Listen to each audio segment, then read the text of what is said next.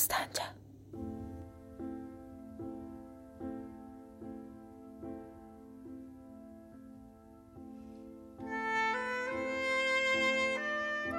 Özüvə baxma xanım qız. Sən bir şəhristan bucağında yaşayanda evdə dincəlib xəyalı eşqivinən, xəyalı armanları ilə başını qatanda, mənsə çöllərdə günün cızlamasında petrol isindən boğulurdum. Yatanda petrol isi, duranda petrol isi, yeriyəndə petrol isi, yeyəndə petrol isi, içəndə petrol isi, sevişəndə petrol isi, qadınların lap belə əldən düşmüşü də petrol isindən ürküb qoyub qaçırdı. Bilirsən petrol isi ilə yaşamaq yəni nə? Metroda, otobusda, taksidə, xiyabanda, yəni petrol bütün qanıva işləyib. Çox gecələr şəhərin aşağı bölümlərində veranaları, zağaları saymışam. Kaşı gedib məhəlli sədri gətirib bunları soxaydım onun gözünə, ta gedib mənim üçün sədr Berjenevdən caizə alardı. Özü də bir yox, iki yox, uf, o qədər verana qalmış ev var idi ki. Heç bilirsən 5-10 rubludan ötür adamı ittibatlı eləmək nə rahat bir iş idi? Bunların hamısı şantajdır, dedi Qudude. Yəni inandıqlarımızın hamısı boşa çıxıb. O zaman mənim kimi sadə səmpatları inandırmağa çalışanda da belə düşünürdü. Olmaya siyasətin dolanbaclarında mallah salırdı. Məncə özün də bilirsən ki, bu sözlər şantajdır. Axı sən nə bilirsən rüşvət yəni mənə? Xəstəxanada rüşvət, müəllimə rüşvət, hizbə rüşvət. Sən nə bilirsən hizbin başındakı sədrin ancaq adı var. O təkcə aylığını alsın özündən heç bir iz toz görə bilməzdin. Bunlardan heç xəbərin var? Binava sən hardan biləcəksən kağız üstəki saxta amarlar yanə mənə? Sən hardan biləydin ki, inandıqlarınla gözün gördüyün həqiqətin yerdən göyəcən fasiləsi var? Bunları bilsəydin onda mənim kimi qalardın ki, başıva nə daş salasan. İndi bir yol sən adı it dəftərində də yazılmamış bir şəhristanın bucağından durub gəlib mənə şantajdan danışırsan? Nərgiz uzun uzadı gecələr Süleymanın fikri ilə yatağında tək başına qalıb, xəyalında onun qoynuna sığışanda heç ağlına gəlməzdi bu təhqir edici sözlər bir gün Süleymanın ağzında yuva sala bilərmiş. Sən necə Süleyman? O zaman sən ilan yeyib insan dərisindən çıxıb əjdahaya dönüşəndə heç fikrinə çatmırdı ki, adı it dəftərində də yazılmamış bir şəhristan bucağında Nərgiz adlı bir qız sevdiyi insanın fikri ilə gündüzlərini gecəyə, gecələrini gündüzə düyünləyir. Sən heç bilirsən xəyal qurusu ilə yaşamaq yəni nə? Sən heç bilirsən yaşamı Süleyman sərətanı uğrunda boş-boşuna sürmək yəni nə? Sən heç bilirsən telefon nömrəvi qardaşından alandan sonra nələr çəkdi bu bəlalı başım? Səndən amma əjdahaya dönmüş adam.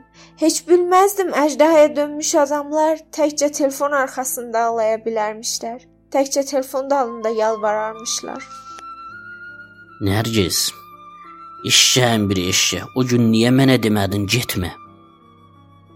Nərgiz isə səssiz, səmirsiz bahar buludu kimi dolub boşalmışdı. Gözünün damcıları telefon dəstəyinə dammışdı. Eşşə, gəlmişdim ki, sən deyəsən getmə. Deyəsən indi ki gedisən məni də apar.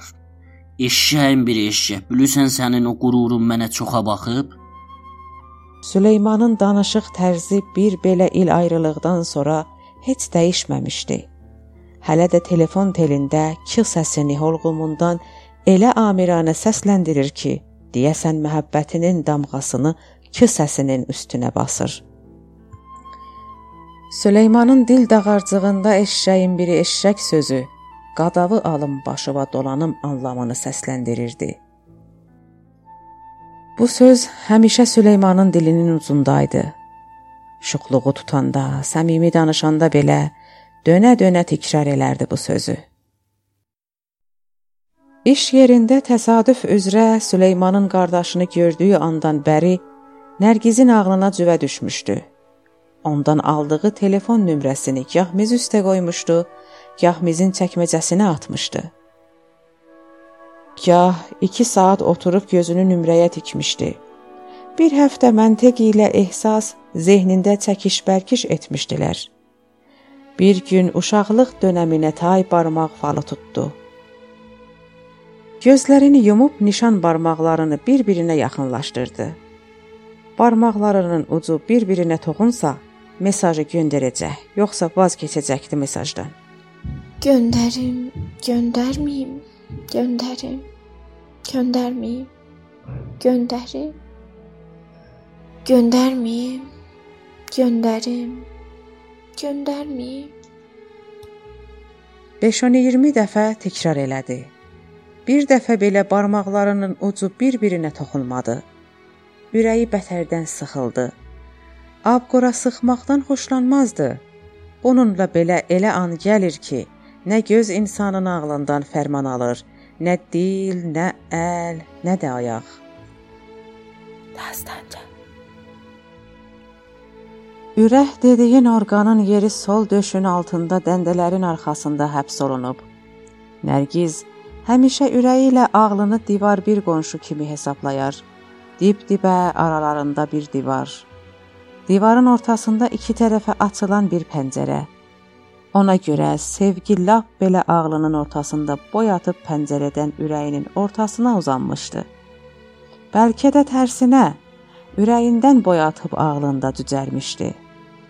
Süleymanın səsini telefondan eşidəndən bəri ağlı ilə ehsas arasında böyük bir tartışma başlanmışdı. Görəsən neçə il, neçə gün, neçə saat, neçə dəqiqə ömründən qalır? Bəlkə bir də Süleymanı heç görə bilmədim. Onun qardaşını görüb telefon nömrəsini almaq bəlkə də təsadüf deyil. Elə mənim cəbr ilə yazılmış alın yazımdı. Cəbri alın yazısı sözünə gülməyi tutmuşdu bu günəcən ömür boyu cəbr adlı bir yaşam fəlsəfəsinə inana bilməmişdi. Əgər hər kəsin özünə məxsus cəbri, alın yazısı varsa, onda bəs insan nədən özünü oda közə vurur? Bunca dava, dalaş, küsüb barış, eniş, yoxquş nəyə lazım? Əgər belədirsə, çalışma, nəqşə çəkmə, iradə, zəhmət nə üçün? Nə faydası? Ağlı ilə ehsası əl-ələ vermişdi. Mobilində əski əlifba ilə bir mesaj yazmışdı. Bunca ildən sonra yaşa dolmuş Nərgizi tanıya bilərsən? Mesajı göndərəndə yəqini var idi ki, Süleymana çatmayacaq. 1 saat, 2 saat, 3 saat. Günortaya dək dözdü. Cavabsız qalmışdı mesajı. Mobilə göz çıxartmışdı deyəsən. Ona təhqirlə baxırdı. Pantomim sayağı ağzına gələn umudsuz sözlər danışırdı. Qəfildən bir fikir ağlına çatdı. Mesajı ingilis əlifbası ilə yazıb Süleymanın telefon nömrəsinə göndərdi. 5 dəqiqə sonra telefonu zəng çaldıqda az qalmışdı gözləri kəlləsinə çıxsın. Əl ayağı əsməcə tutub rəngi bozarmışdı. Nərgiz. Nərgiz. Nərgiz. Nərgiz. Danış. Danışdı. Özünü sındırmadı. Əski bir dost kimi danışdı. İşdən, ailədən, ümumi əhvalatdan və Süleyman ağladı. Süleyman həmin qədimki Süleyman idi telefon dalında. Günortadan ikindiyəcən danışmışdılar. İkisinin də mobil şarjı boşalmışdı. Bir saat sonraya danışmaq qərarı qoymuşdular. Yarım saat çəkməmiş Süleyman zəng açmışdı. Sərxoş idi. Danışmışdılar, ağlamışdılar, gülmüşdülər. Əski günləri bir-bə-bir yaddaşlarından eşiyə çəkib tazalamışdılar. Günü sabah təyyarə bileti alım, dur gəl bura. Süleymana görə hər iş su içimdir. Yenidən sevmək də təyyarə bilet almaq kimidir. Yenidən sevişmək, əldən gedən günlərin boşluğunu doldurmaq, yenidən sındırmaq, yenidən. Dastanca. Dənizlə göyün sərhəd xəttinin rəngi tündləşib. İndi dənizi göydən ayırmaq olur. Dənizin ucqarında su buludlar rəngindədir, amma qumsala yaxın yerlərdə lillənib torpaq rənginə çalır. Sahilə dək uzanıb qıssalan dalğalara baxdıqca özünü dalğalarla özdeş sanır. Elə mənim kimidirlər. Dalğalar da mənim tək yarımçılıq qalırlar. Dil dodağı arasında öz-özünə danışır. Xəzər çuşuldayır. Dalğalar dayanmadan özlərini sahilə çırpırlar. Hər dalğanın yarısı qumsala uzanıb, yarısı isə quyruq kimi arxasında qalır. Dalı qayıdanda yenə də yarımçılıqlar bütövləşib arxadan çırpılan dalğaların altında qalırlar. Yarımçılıq nəfəs almağa bənzəyir dalğaların sahilə çırpıntısı. Təngiyə-təngiyə başdan nəfəs almağa başlayırlar. Dəniz quşları sudan biraz hündür uçuşsalar da, suyun üzərində qaçan kimi nəzərə gəlirlər. Dəniz geniş bir meydan, quşlar döyüşə gedən qoşun.